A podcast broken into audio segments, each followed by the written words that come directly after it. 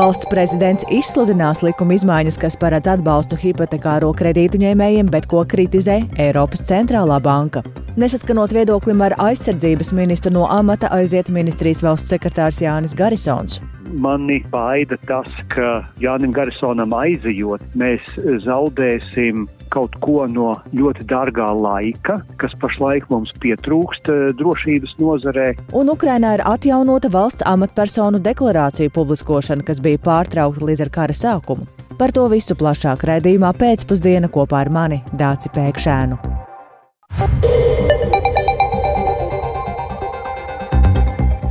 Pulkstenis ir 16,5 minūtes. Skanējumu sāk ziņu raidījums pēcpusdienu, un tajā plašāk skaidrosim šodienas būtiskos notikumus. Studijā Dāca Pēkšēna, esiet sveicināti! Un vispirms par to, ka valsts prezidents Edgars Rinkēvičs izsludinās Eiropas centrālās bankas kritizētos likuma grozījumus mājokļu kredītu ņēmēju atbalstam. Centrālās bankas norādes saimā gan nepalikšot bez ievērības. Budžeta komisija aicinās tās apspriest trešdien, piedaloties Finanšu ministrijas Latvijas bankas un Komercbanku pārstāvjiem. Vairāk par to Jāņa Kīņš ierakstā. Saimnes budžeta komisijā šoruden vērtēja dažādas iespējas, kā mājokļu kredītu ņēmējiem kompensēt kredītu likmju straujo kāpumu. Plānoja kredīti iestāžu kritizētu ieceru ieviest īpašu nodevu, ko pāraudzītu pašas bankas un pēc konkrētiem kritērijiem mazinātu likmes hipotekārajiem kredītiem. Taču līdz balsojumam saimā nonāca cits risinājums.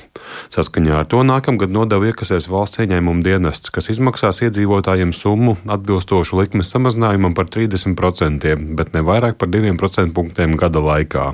Šo atbalstu saņems lielais vairums aizņēmēju. Tie, kuriem kredīta atlikums ir līdz 250 tūkstošiem eiro un līgums noslēgts līdz 31. oktobrim. 6. decembrī šo risinājumu atbalstīja saimnes deputātu vairākums. Eiropas centrālā banka savā atzinumā par pieņemto regulējumu ir norādījusi vairākas problēmas. Pirmkārt, šis atbalsta regulējums virzīts bez ECB izvērtējuma. Tā iesaka likuma grozījumus papildināt ar rūpīgu analīzi par iespējamām negatīvajām sekām banku nozarē. Tur Turklāt kompensāciju gūs arī tie, kuriem nav grūtību sekt kredītsaistības. Tomēr valsts prezidents izsludinās saimā rasto atbalstu hipotekārā kredīta ņēmējiem. Viņš norāda, ka tas ir saimas politiskās izšķiršanās jautājums atbalstīt ne tikai tos, kuriem ir grūtības samaksāt kredītus, bet visus ekonomiski aktīvos Latvijas iedzīvotājus. Eiropas centrālās bankas apsvērumi neliedz izsludināt šo likumu. Par likuma izmaiņu virzību atbildīgā saimas budžeta komisija gan trešdien pulcēs Finanšu ministrijas Latvijas bankas un Komercbanku pārstāvis par ECB norādēm un gatavos atbildes vēstuli. Stāsta komisija komisijas vadītājs Jānis Rērs no jaunās vienotības. Pirmšķietami liekas, ka, nu, protams, katram jādara savs darbs. Eiropas centrālā banka aizstāv banku sistēmu, bet eh, mums ir jāaizstāv savi vēlētāji. Un tas arī galvenais motīvs bija pieņemot šo likumprojektu. Mēs redzam, ka Tur netiek norādīts, ka šis likumprojekts būtu jāatceļ. Tur ir norādījumi par izvērtējumiem. Trešdien tādēļ arī šī komisijas sēde būs un mēs vērtēsim. Lielākās komercbankas vēl nav izlēmušas, vai apstrīdēs šos grozījumus patērētāju tiesību aizsardzības likumā. Eiropas centrālā banka norādījusi, ka likumā paredzētā hipotekāro kredītu ņēmēju atbalsta dēļ nākotnē var būt mazāk izdevīgi kreditēšanas nosacījumi. Finanšu nozars asociācijas vecākais juridiskais padomnieks Edgars Pastars šo norādi komentē šādi arī mums ir viedoklis, ka tas visticamāk ietekmēs, bet tāda izvērtējuma, kas to parādītu, jau nav nevienam, ne mums, ne valstī, ne ECB ir bažas. Ja tā var teikt, ka tas visticamāk var radīt nu, tādu iespēju. Vai tas apturēs kreditēšanu? Pilnībā domāju, ka nē. Tā tas būtu pārāk skarbi teikts, bet es tā domāju, ka nē. Nu, noteikti kaut kāda piesardzība lielāka parādīsies, kaut kur varbūt kaut kādas arī izmaksas var pieaugt. To, ja ne, tu, nu, 90 miljonu uz visu sektoru viņi nepaliek neredzami. Kaut kur jau viņi parādīsies arī cenu pusē kādā brīdī. Latvijas banka jau sākotnēji vērtēja, ka atbalstam mājokļa kredītu ņēmējiem jābūt mērķētam tiem, kuriem tas visvairāk vajadzīgs. Atbilstoši datiem, grūtības sekt maksājums ir apmēram piekdaļai mājokļu kredītu ņēmēju, atgādina Latvijas bankas eksperts Elmārs Zakulis.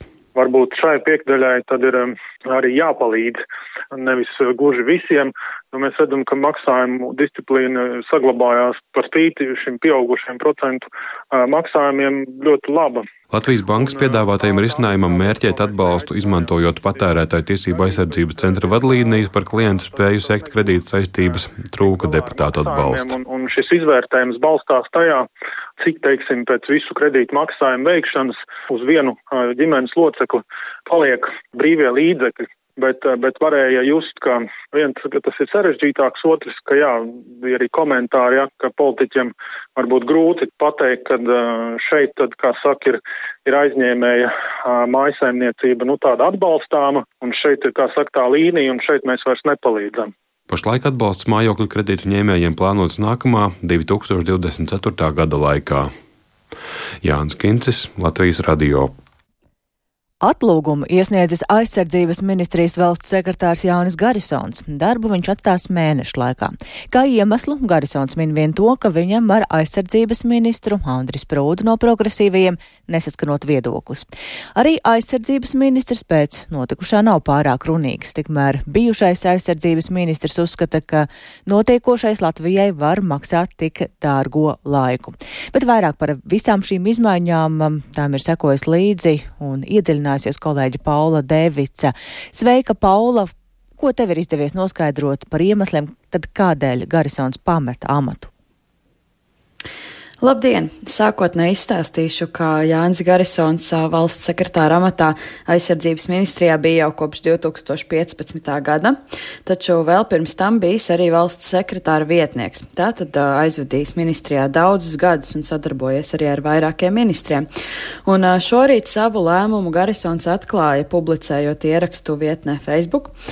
Tur viņš to starp izceļ arī paveikto, kas ir vairāku, vairāku armijas poligonu izveidu un pārējumu pārbūve, obligāto valsts aizsardzību mācību, aizsardzības mācību skolās, kā arī ieguldījumu dažādu procesu pilnveidē un uzlabošanā. Un uh, Garisons min, ka iekšējās reformās ir panākts daudz, lai padarītu procesus caurspīdīgākus. Tomēr esot daudzi, kas to nevēlas. Tā noslēpumaini raksta valsts sekretārs, un uh, šobrīd plašus komentārus viņš nesniedz, vien min, ka aiziešanas pamatā, kā tu jau Dāca minēji, ir viedokļu nesaskaņas ar aizsardzības ministru ministru, un viedokļi nesaskan par to, kā vadīt ministriju. Arī ministrs Andris Sprūts no progresīvie situācija Latvijas radio pašlaik plaši nekomentē, tomēr atsūtīja rakstisku komentāru, kurā vēsta, ka Jāņa Garisona atlūgums ir pieņemts. Un, kā arī vērtē valsts sekretāra uh, darbu augsti. Uh, tāpat Sprūts sola turpināt darbu pie aizsardzības no, nozares prioritātēm, tostarp nodrošinot caurspīdīgu iepirkumu sistēmu. Un uh, te arī vērts pieminēt, ka viens no skaļākajiem nozares skandāliem ir saistīts ar aizsardzības ministrijas armijas pārtiks iepirkumu, kurā uzvarēja neliels uzņēmums Zītari LZ, un uh, iepirkumu vērtēja valsts kontrola, secinot, ka tas ir bijis, tā teikt, izcelts ārā no iepirkumu sistēmas, nebija labi izplānots un rezultāts neatbilda armijas vajadzībām. Turklāt pārkāpumi esot bijuši visos iepirkuma posmos. Saistībā ar to arī sodīja vairākas amatpersonas, tomēr disciplināru lietu pret valsts sekretāru Jāni Garisonu un viņa ietnieku, vietnieku izbeidza. Varam tikai minēt, vai valsts sekretāra paziņojumā ietvertais par tiem, kas nevēlas padarīt procesu caurspīdīgāks, ir kā saistīts arī ar šo skandalozo iepirkumu vai varbūt jau citiem procesiem. Un jā, kopsavēlkot, tad atgādina, kā kā galveno iemeslu aiziešanai amatpersonu min tieši viedokļu nesaskaņas ar ministru Dace. Bet vai ir iespējams šobrīd pavērtēt Garisona aiziešanu, kā uz to raugās šajā aizsardzības nozarē? Jā, tātad, kā jau minēju, viņš ministrijā strādāja daudzus gadus un tā teikt drēbi pārzināja labi, un uh, to Latvijas radio apstiprināja arī bijušais aizsardzības ministrs Ārtis Pabriks. Viņš atklāja, ka šis lēmums nebija paredzams un tas radot zināmu satraukumu, jo sarežģītajā ģeopolitiskajā situācijā, kurā tad atrodas Latvija, šobrīd aizsardzības nozares stiprināšanā dārga ir katra minūte. Un paklausīsimies, kas vēl viņam sakāms mani no vienas puses baida tas, ka Jānim Garisonam aizejot, mēs zaudēsim kaut ko no ļoti dārgā laika, kas pašlaik mums pietrūkst eh, drošības nozarē. Viens no lielākiem Jāņa Garisona pienesumiem, manuprāt, nozarē ir bijis tas, ka viņš ir bijis ļoti spēcīgs balsts visiem ministriem. Ministrs jau nevar sagatavot nevienu dokumentu, nevienu uh, lēmumu, kas skar, teiksim, infrastruktūru vai kaut kādas jaunas lietas, ja viņam nav spēcīga aizmugure ministrijas ierēdniecībā. Bijušais ministrs arī minēja, ka rezervistu soliņš šim amatam visticamāk nav pārāk garš un ka tik pieredzējuši un zinoši cilvēki noteikti nebūs viegli atrast. Turklāt meklēšanas procesā ministram lēmums nāksies pieņemt bez šīs ļoti svarīgās aizmugurs. Un arī politologs Filips Rajevskis uz, uzskata, ka Garisona aiziešana šobrīd aizsardzības nozarei par labu nenāk. Paklausīsimies Rajevska viedokli. Viens ir, ka ir vienokļa nesaskaņa un var būt diskusijas un strīdi un aktīva kaut kāda savstarpējais dialogs. Bet rezultāts jau ir, es domāju, un ceru, ka abām pusēm ir interesi strādāt valsts aizsardzības labā, lai Latvija kļūtu stiprāka un drošāka. Un, un Garisona aiziešana rada jautājumu, vai, vai tiešām tas tā bija, jo diskusiju un strīdu dēļ, kad aiziet šāda līmeņa amatpersona šādu arī pieredzi sadarbojoties ar dažādiem ministriem, tas rada, es domāju, bāžas par to, kas notiek aizsardzības ministriem. Jā, tātad politologs bažās par to, kas tad notiek aizsardzības ministrijā, uzsverot arī, ka Sprūts ir jauns ministrs un šajā šādā laikā palikšana bez šīs zinošās aizmugurs viņa prāt vājina aizsardzības ministriju kopumā. Dace. Paldies Paulai Devicai, tas tātad par gaidāmajām izmaiņām aizsardzības ministrijā, bet par jaunumiem, kas skar amatpersonas Ukrainā.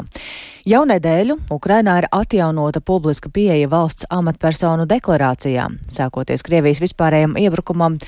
Deklarāciju publiskošanu pārtrauca, bet tagad, jan, līdz janvāra beigām, valsts un pašvaldību amatpersonām ir um, deklarācijas jāiesniedz pagājušo par pagājušo un tad arī aizpagājušo gadu. Plašāk par to, kā Ukraiņiem sokas ar deklarēšanos, esam sazinājušies ar Latvijas radio korespondentu Ukrainā Indru Sprānci. Sveika, Indra! Saki, cik daudz amatpersonu šobrīd ir iesniegušas deklarācijas, un vai šobrīd ir runa par lielāko daļu, vai arī šobrīd tas vēl tikai sākums? Labdien! Jā, Ukrainai turpinot ceļu uz iestāšanos Eiropas Savienībā, likumdošanas pielāgošanu un Eiropas komisijas rekomendāciju izpildu, tajā skaitā korupcijas apkarošanas jautājumos. Oktobrī Ukrainā stājās spēkā likuma grozījumi, kas paredz nevien atjaunot prasību valsts un pašvaldību amatpersonām deklarēties, bet arī publiskot valsts amatpersonu deklarācijas. Ar tām kopš 10. decembra var iepazīties Ukrainas korupcijas novēršanas valsts aģentūras mājaslapā, un es arī šodien tur ielūkojos. Jāsaka, ka jaunās deklarācijas tikai pamazām tur sāk ienākt. Atbilstoši noteiktajai kārtībai deklarācijas par šiem diviem gadiem var iesniegt līdz 31. janvārim, tātad vēl nedaudz vairāk kā mēnesis laika. Nevalstiskā organizācija Česno gan jau pagājušā nedēļā bija apkopojusi, ka uz šo brīdi, kad datu bāze atkal ir palaista, Par 2021. Eh, gadu deklarācijas iesnieguši 22% tikai no augstākās redzes deputātiem, bet par pagājušo 2022. gadu tikai 14% no parlamentu pārstāvjiem. Tā ka pavisam nedaudz jau to ir izdarījuši, un starp eh, šiem nedaudzajiem ir arī, piemēram, Ukrainas parlamenta priekšsādātājs Ruslāns Stefančuks, kurš um, ir iesniedzis deklarācijas jau par abiem gadiem. Un es arī aplūkoju viņa deklarāciju, kurā uz pārējo, jāsaka, diezgan uh, turīgo Ukrainas amatpersonu fonu valda samērā liela pieticība. Viņam nav ne liela uzkrājuma, ne glauna automašīna, bet ir daži nekustamie īpašumi un zinātniskās literatūras biblioteka, kurā ir aptuveni 5000 grāmatas. Tas ir tas, ko viņš uh, deklarējis. Savukārt eh, pirmā persona Ukrainā valsts prezidents Volodimirs Zelenskis deklarācijas par eh, pagājušo gadu un aizpagājušo vēl nav iesniedzis, un eh, pēdējā viņa deklarācija, kas atrodam šajā datubāzē, ir par 2020. gadu, un tur ir redzams, ka Zelenskis ir deklarējis virkni, nu, samērā glaunu dzīvokļu Kīvā, kur piedara viņam vai dzīvesbiedrē vai kopī, kopīpašumā ar citām personām, un divi no tiem ir pat vairāk kā 200 kvadrātmetrus lieli, diezgan plaši plaši dzīvokļi, bet jāsaka uzreiz, ka ir cits amatpersonas ar daudzām, vairāk kārtīgi vēl lielāku platību. Zelenskim ir bijuši arī prāvi uzkrājumi, no kuriem interesanti, ka viena daļa Zelenskis vairākus gadus, gadus glabājas arī Latvijas bankā, un tā ir private banka, Latvijas banka, kuras kontos Zelenskis glabājas, nu, vismaz atbilstoši pēdējai deklarācijai, nepilnus 400 tūkstošus eiro. Šī Latvijas banka gan pagājušā gadā lēma izbeigt savu kredīti iestādes darbu, un tās aktīvus iegādājās Industra banka. Ironiskā kārtā Industra banka vēsturiski bija saistīta ar Krievijas prezidentu Vladimiru Putinu draugiem brāļiem Arkādiju un Borisu Rotenbergiem, kuriem pēc Krimas okupācijas tika noteikts starptautiskās sankcijas. Banku gan toreiz šīs sankcijas neskāra, tai nomainījās īpašnieki, un šobrīd tās īpašnieki ir savulaik ar um, Latvijas oligarhiem cieši saistīti uzņēmēji. Bet, uh, lai nebūtu nekāda pārpratuma, vēlreiz atkārtošu, ka tā ir pēdējā deklarācija par 2020. gadu. Šobrīd vēl nav zināms, vai Zelenskis joprojām uh, šeit Latvijā glabā naudu. Tas tad būs redzams drīzumā, kad Zelenska deklarācijas par 2021. un 2022. gadu tiks publiskots. Kā jau minēju, tam vēl ir laiks. Dace? Jā, ja vēl par šīm jaunākajām deklarācijām, kas tajās ir redzams, vai ir kaut kas tāds, kas varbūt ir īpaši piesaistījis Ukraiņu žurnālistu uzmanību? Nu, pamazām sākas eh, šo deklarāciju apstrāde, un šobrīd vietējo žurnālistu uzmanību ir piesaistījusi prezidenta biroja vadītāja Oļega Tatāro deklarācija. Tatāros eh, prezidenta birojā tiek uzskatīts par tādu neformālu Ukrainas tiesības sargājošo iestāžu, tādu kā kuratoru, un viņa norādītie ienākumi un oficiālie viņu un dzīvesbiedras izdevumi ir raisījuši jautājums par to, kā tur īsti tiek savilkti gali kopā. Eh, tāpat mediju uzmanību piesaistījis arī um, opozīcijas platformas par dzīvību līderis Jurijs Baiko, tad, arī deputāts, kurš savā deklarācijā par pērno gadu, tad pagājušo gadu, joprojām norāda, ka kopā ar sievu uh, glabā naudu un zeltu Krievijas bankā Maskavā. Kopumā tie ir 7,6 miljoni rubļi. Tā kā interesanta aina pavēras ielūkojoties valsts amatpersonu deklarācijās, kas jau pamazām ienāk, un uh, tur esošā informācija noteikti būs noderīga korupcijas apkarotājiem. Atgādināšu, ka Ukraiņu pašu ieskatā korupcija ir otra lielākā problēma Ukrainā uzreiz pēc Krievijas iebrukuma, un deklarēšanās ir viens no pasākumiem, kas palīdz līdzi sabiedrībai sekot um, amatpersonu ienākumiem un turībai. Tāds. Paldies Indrai Sprancē par ziņām no Ukrainas, bet šodien stājas spēkā jaunas Eiropas Savienības sankcijas pret Krieviju. Bloka dalību valstu pārstāvi par tām vienojās jau aizvadītajā nedēļā, tomēr Austrijas pārstāvjiem vajadzēja papildu laiku, lai veiktu padziļinātu izpēti.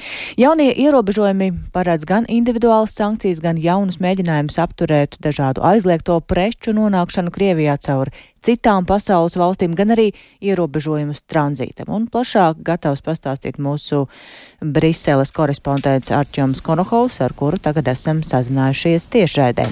Sveiks, Arķom! Mēs eh, runājam par eh, Eiropas Savienības 12. sankciju pakotni. Cik spēcīga tā, tavuprāt, ir? Labdien, dārts, labdien, klausītāji! Jā, ņemot vērā, ka tā ir 12. sankcija kārta, tad, protams, mēs varētu teikt, ka nekas īpaši revolucionārs tajā nav. Tur nav tādu ļoti jaunu un neredzētu lietu, drīzāk tie ir mēģinājumi uzlabot esošo sankciju darbību. Jo iepriekšējās 11 kārtās ir uzkrāta pieredze un ir skaidrs, kas strādā un kas īsti varbūt nestrādā, kur ir iespējams sankcijas apiet, un eh, te līdz ar to tiek pievērsta ar vien lielāku lielāku uzmanību tam, lai dažādus caurumus aizlāpītu. Bet kopumā 12. sankcijas, 12. sankcija pakotne, jeb kārta, sastāv no trim daļām. Tās ir personiskās sankcijas 48 individiem un 73 juridiskām personām. Prioritāte ir Krievijas militārais sektors un visi ar to saistītie cilvēki. Tāpat sankciju sarakstos ir iekļautas arī Baltkrievijas amatpersonas. Ja tās aktīvi atbalsta Krievijas karu pret Ukrainu, tad tad tie cilvēki, kas to dara, ir arī parādījušies šajos sarakstos. Uzvārdus gan mēs šobrīd publiski nezinām. Tāda ir tā izplatītā Eiropas Savienības prakse. Tāpat ir iekļauta arī Krievijas centrālās vēlēšana komisijas locekļi, tostarp arī vēl no reģionālajām vēlēšana komisijām un arī septiņas personas, kas saistītas ar Ukrainas bērnu deportēšanu uz Krieviju. Un tāpat arī apdrošināšanas uzņēmums Alfa Strahavaņie grupa un Krievijas finanšu izlūkošanas dienests. Tas ir, ja mēs runājam par pirmo punktu, proti par personiskām sankcijām pret individiem un juridiskām personām. Otrais nozīmīgais punkts ir tirzniecības liegumi un Te ir piemēram importa liegums eh, Krievijas izcelsmes dimantiem. Tas stāsies spēkā nākamgad pakāpeniski, un, lai tas būtu efektīvs, tur vēl ir nepieciešama zināma saskaņojuma ar G7 valstīm, lai tas arī strādā. Un, pieņemsim, šis eh, dimanta punkts bija ļoti nozīmīgs Beļģijai, jo, kā zināms, Beļģijā šeit eh, ir ļoti attīstīta tieši visa dimantu tirsniecība un ar to saistītie pakalpojumi. Tāpat tiek noteikts arī importa liegums precēm, kas nes ievērojumu peļņu Krievijai. Un te ir tādi metāla izstrādājumi, dažādas varas tiepus, alumīnijas stieņa, caurulis, tādas diezgan specifiskas lietas, kas arī nes diezgan lielu peļņu Krievijai. Un, ja runājam vēl par trešo punktu, tad uh, sankcija apiešana, jo mans pieminētā, um, to starp tiek runāts arī par to, kā uzlabot naftas cenu griestu mehānismu apiešanu. Un uh, šeit viens varbūt no tādiem interesantākajiem jaunumiem ir tā dēvētās ne Krievijai klauzulas iekļaušanu dažādos līgumos, jo mēs zinām, ka preces tiek nosūtītas citām valstīm, bijušajām PSRS republikām pārsvarā, un tad vēlāk tās tomēr parādās Krievijā, vai pat viņas tiek atrastas Ukrainā kara laukā. Un ir skaidrs, ka kaut kādā veidā no šīm pārējām valstīm viņas tomēr ir nonākušas Krievijā, un šeit vismaz mēģinājums juridiski līgumos iekļaut atrunu, ka šīs dualās izmantošanas preces nedrīkst tālāk pārdot Krievijai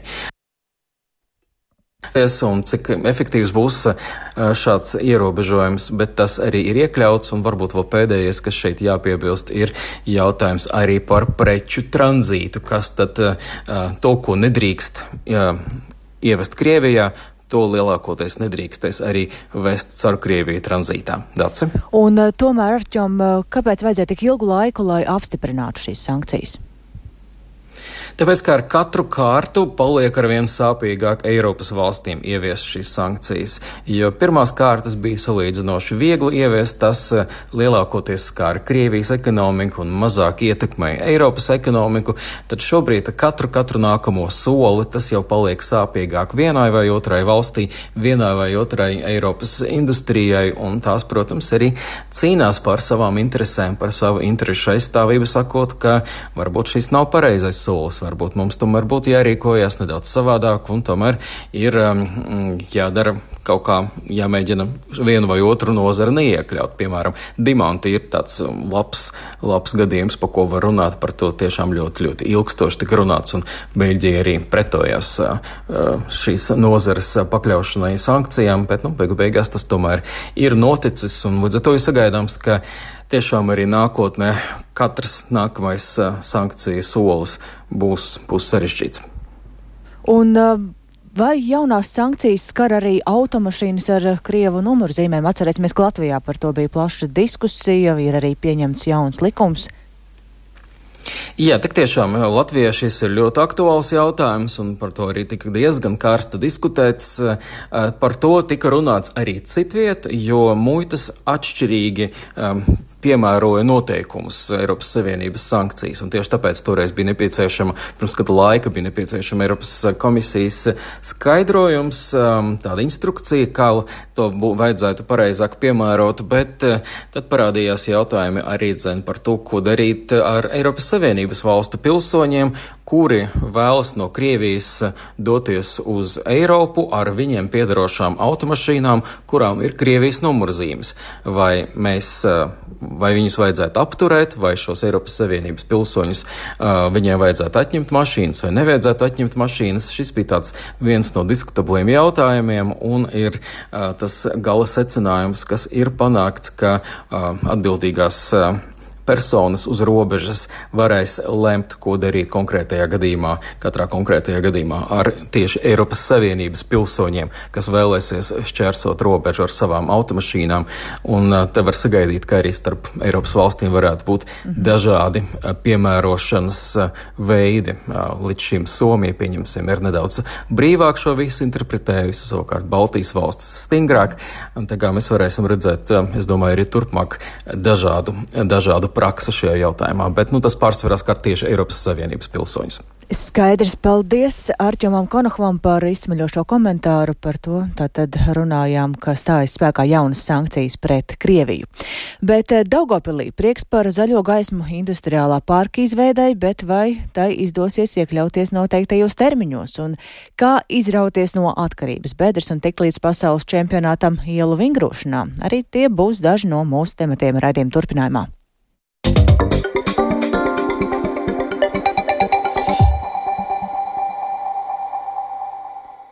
22 miljoni eiro. Tik daudz tuvākajos gados ieguldīs Austrum Latvijas viedo tehnoloģiju un pētniecības centra jeb Austrum Latvija topa industriālā pārka izveidē. Tas darbosies bijušā Lociku lidlauka teritorijā Augšdaugavas novada Naujienas pagastā, kur zemi 200 hektāru platībā ir iegādājusies Daugavpils pašvaldība. Pirmajā posmā ir plānots savest kārtībā nolaisto lidlauka teritoriju, tomēr ir bažas, vai to paspēs izdarīt noteiktajos termiņos, un vairāk par to Silvijas smagars ierakstā. Pirms nepilniem 20 gadiem Dāngāpils doma iegādājās zemi Locikos, kaimiņu augšdagavas novada Naujinis pagastā, kur kādreiz bija Lociku lidlauks. Daugopils lidostā pa šiem gadiem ir ieguldīts pusotras miljonus, kas ir samaksāts par zemi. Papildus ir nākuši 500 tūkstoši eiro kredīta atmaksai. Nekas vairāk uz šīs zemes nav. Tukšs lauks un aizauguši skrēceļi. Tā pirms diviem gadiem Daugopils domas priekšsēdētājs šobrīd bezpārteiskais Andrēs Elksniņš vērtē šo īpašumu ar 232 hektāru kopējo platību kura par pusotru miljonu eiro savā īpašumā savulaik iegādājās Dāngāpils doma. Lidostas projekta realizācija bez valsts vai privātā investora nav iespējama. Tad Lociku lidlauka vīzija tika nolikta malā līdz 2025. gadam, bet prioritātei izvirzījās projekts par industriālā parka Altup jeb Austrumlatvijā top izveidi. Un šis projekts šī gada nogalē ir atbalstīts stāsta Dāngāpils attīstības departamenta vadītāja Dēna Krīviņa. Pašvaldība piedalījās um, Nacionālo industriālo parku programmā, kas tiek finansēta no atvesaļošanas fonda. Kopējās izmaksas ir vairāk nekā 22 miljoni eiro un atjaunošanas fonda finansējums ir 17 miljoni eiro. Saņemot šādu atbalstu, mēs plānojam gan ēkas būvniecību un pieguļošās teritorijas labiekārtošanu, infrastruktūru, ceļi. Šajā gadījumā tie ir vairāk nekā 10 hektāri, kas būs pieejami uzņēmē darbībai. Projektiņš ir ļoti interesants. Šis projekts ir interesants ar to, ka tajā iesaistītas divas pašvaldības - gan Dāngāpils valsts pilsēta, kurai pieder zeme, gan Augstdagavas novads, kura teritorijā parks atradīsies. Stāsta Augstdagavas novada domas priekšsēdētājs Arvīts Kucins no Dāngāpils novada partijas. Mēs esam partneri pilsētā attiecībā uz divām ielām šajos locekos, un mūsu pašvaldības uzņēmums Naujas pakalpojumu servis ir tiešais partneris šim projektam ar pilsētu. Un otra lieta - tas, ka šis projekts nav tikai priekš mūsu novada vai pilsētas, viņš ir visam reģionam, jo tur vajadzēs pietiekoši daudz apmācītu cilvēku. Pirmkārt jau pašu celtnieku, kas to visu izdarīs. Lielākās bažas ir īsie termiņi, kādos jāpaveic parka, ceļu un inženieru komunikāciju izbūve. Projekta nobeigšanas termiņš ir pietiekuši tāds šaurs - 31. decembris 2025. gads. Šobrīd ir izsludināta iepirkuma procedūra jau uz būvniecību. Process pie industriālā parka Altup, jeb Austrumlatvijā top izveides, jau ir sācies. Preses konferenci apliecina Dāngāpils domas vadītājs Andrēs Elksniņš. Būvniecību ir plānots pabeigt līdz 25. gada vidum beigām, un investora meklēšana atbilstoši Cefas vadlīnijām mums var sākties tikai pēc būvniecības līguma noslēgšanas. Jaunais parks būs viens no lielākajiem valstī, un tam būs sava darbības specifika, vērsta uz viedo tehnoloģiju attīstību, atklāja Dāngāpils attīstības departamenta vadītāja Daina Krīviņa. Tomēr mēs veidojam nacionālas nozīmes parku, un arī šīs prasības ir augstākas, un tas, ko sagaidām arī atbilstoši programmas nosacījumiem, ka industriālajā parkā būs uzņēmēji, kas darbosies tādās viedās specializācijas jomās, kā pieņemsim viedie materiāli vai viedā enerģētika, mobilitāte, arī IKT, tehnoloģijas un inženieru sistēmas ir ražos augstas pievienotās vērtības produktus nu, un būs eksporta spējīgi. Tas ir milzīgs atbalsts gan Dāngāpulī, gan reģionam kopumā. Tā iespēja apgūt 17 miljonus eiro no atvesaļošanas un noturības mehānisma finansējuma vērtē Dāngāpuls domas pilsētas saimniecības un attīstības komitejas priekšsēdētājs no Latgales partiju Latvijas attīstība ievēlētājs Igors Aleksējevs, uzsverot, ka tas ir pamats arī uz vēl ambiciozāku mērķu īstenošanu - Dāngāpuls lidostas izveidi. Šāda parka izveide piesaistīs pilsētā investorus, radīs darba vietas un kopumā ļoti pozitīvi ietekmēs Latvijas ekonomisko attīstību. Un, protams, tas ir vēl viens solis pret lielajiem sapņiem par lidostu. Tieši pirms diviem gadiem, pateicoties sadarbībā ar Vides aizsardzības un reģionālās attīstības ministriju, izdevās iegūt vienu miljonu eiro lidostas projektam, un projektēšanas darbi ir pilnā spārā. Šobrīd būtiskākais ir industriālā parka Altapa, jeb Austrum Latvijā to projektu īstenošana dzīvē. Tam laika nav atlicis daudz, divi gadi. Tad vēl būs termiņš līdz 2026. gada vasarai, kamēr Santa piesaistē un jaunu darba vietu radīšanai, bet līdz 2028. gadam arī nefinanšu piesaistē Altopa parkā. Silvija Smagara, Latvijas radio studijā Latgalē. Un uzstāsts par labdarības maratonu dod pieci, kas šogad aicina palīdzēt bērniem un jauniešiem, kas sarežģītu apstākļu dēļ ir nonākuši riskantās situācijās vai nespēja, nespēja iekļauties sabiedrībā. Un šodien stāsts par Edgaru. No pilnīgas atkarības bedres narkotisko vielu lietošanas, skolas kavēšanas un klaiņošanas līdz pasaules čempionātam ielu vingrošanā un vairāk nekā tūkstošu sekotājiem Instagram, kur iespējams vērot ielu vingrošanas notikumus. Un tāds ir liepājnieka un karosnieka Edgara Furnika stāsts. Viņš ir bijis viens no tiem jauniešiem, kurus vairums izlieks neredzam. Edgaram palīdzējuši mentori, viņš ir iesaistījies ielu vingrošanā, atsācis mācīties un tagad jau piemēru rāda citiem. Viņš nākotnē gribētu kļūt par sporta skolotāju vai treneru, un arī jaunieti Liepājā tikās Ingozola. Sabiedrisko mēdīju labdarības maratons dod pieci. Palīdz jauniešiem, kurus līdzcilvēki izvēlas neredzēt.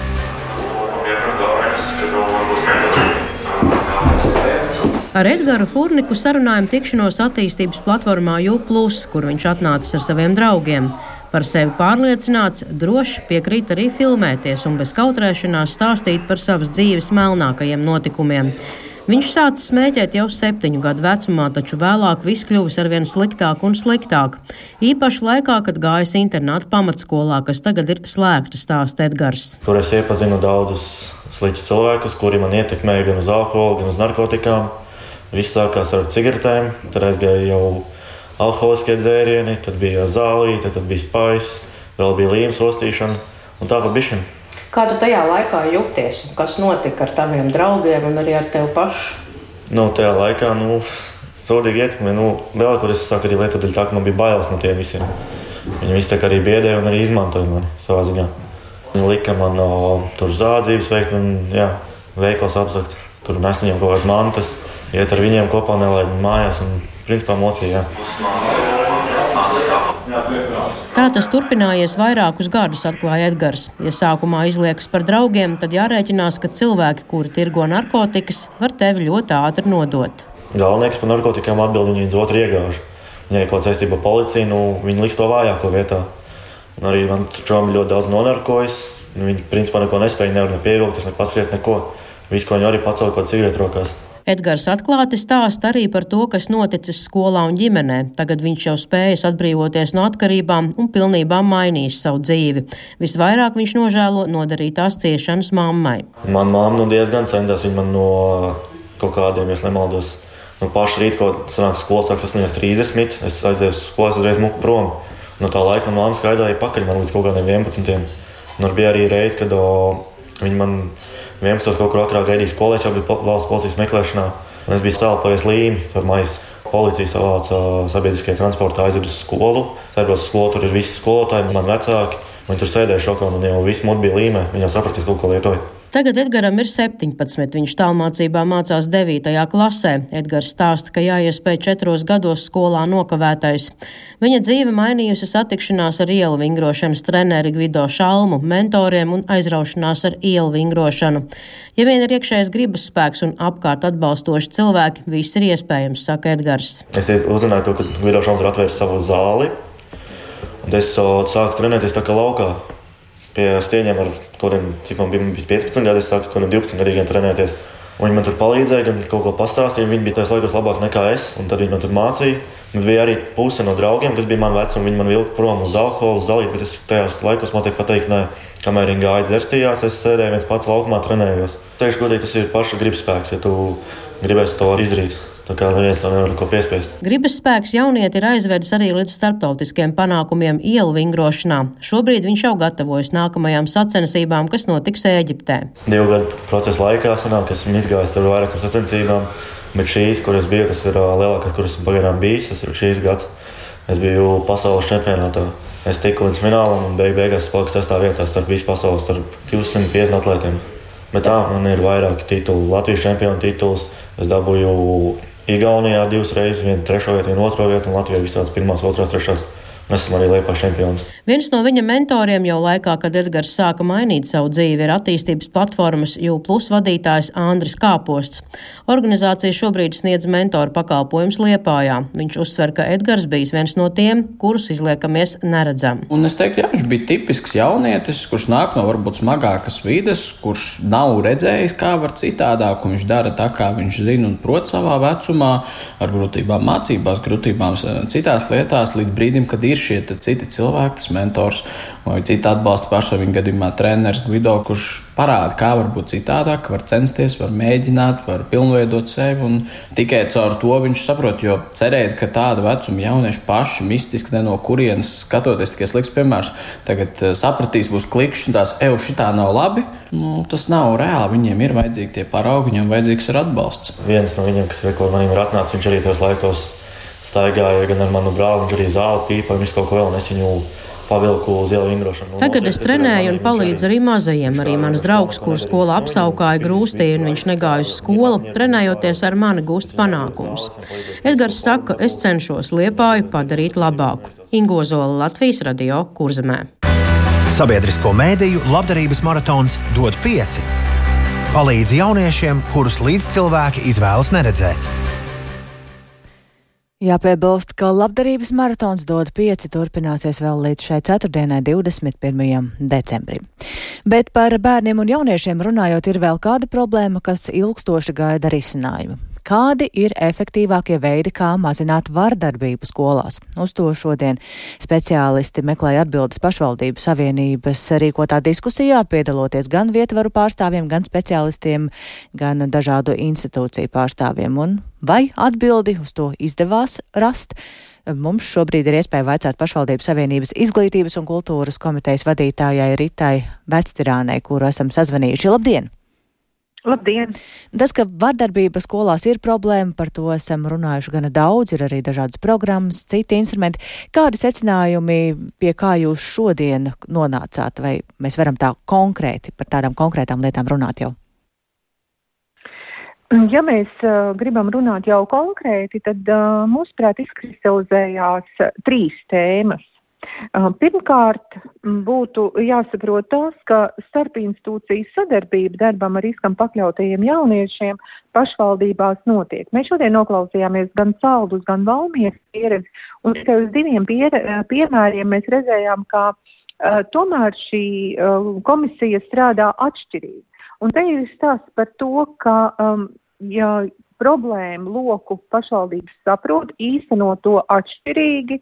Un vēl problēma ir gandrīz vai te visās pašvaldībās ir atbilstošos atbalsta personāla trūkums.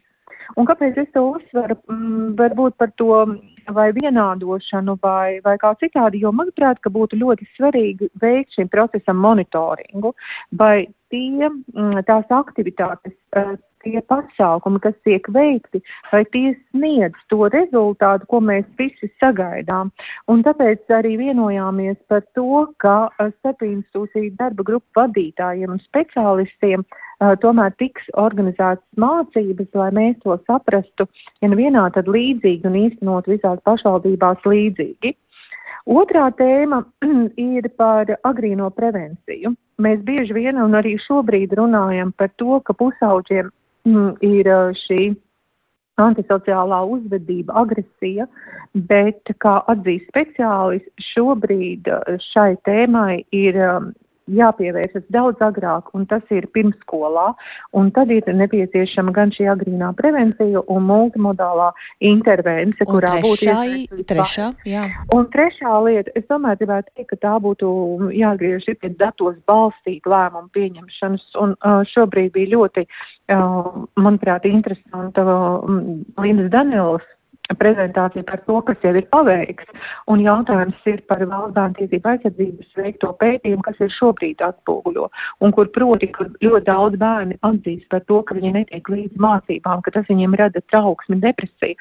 Bet savukārt Linda Daniela prezentēja jau pirms vairākiem gadiem veikto pētījumu, ka mūsu mācību standarts ir neatbilstošs bērnu intelektuālai, psihiskai un fiziskai attīstībai, un arī iespējams, ka arī tas rāda trauksmi. Un te ir jautājums par to, ka mums visos līmeņos būtu vajadzīga daudz izteiktāka institucionāla sadarbība gan valstiskā, nacionālajā līmenī, gan pašvaldību līmenī, lai mēs koncentrētu un spētu racionāli izmantot visiem pieejamos resursus. Jā, paldies! Tātad darba lauks vardarbības novēršanai skolā plašs, un par to šodien arī diskutēja pašvaldību savienības rīkotā diskusijā. Šobrīd paldies saku Ritai Vectirānei. Un ar to tad arī izskan raidījums pēcpusdiena ko veidoja producents Lauris Zvejnieks. Ierakstus montēja Kaspars Groskops par labskaņu rūpējās Katrīna Bramberga un ar jums sarunājās Dāca Pēkšēna. Atgādināšu par Latvijas radio mobilo lietotni, kur um, atrodot dienas ziņas ir iespēja noklausīties arī raidījumu pēcpusdienu, tāpat arī mūsu veidotais saturs atrodams sociālo tīklu kontos un uh, sabiedrisko mediju ziņu portālā LSM LV. Uztikšanos jau atkal rīt! Bye.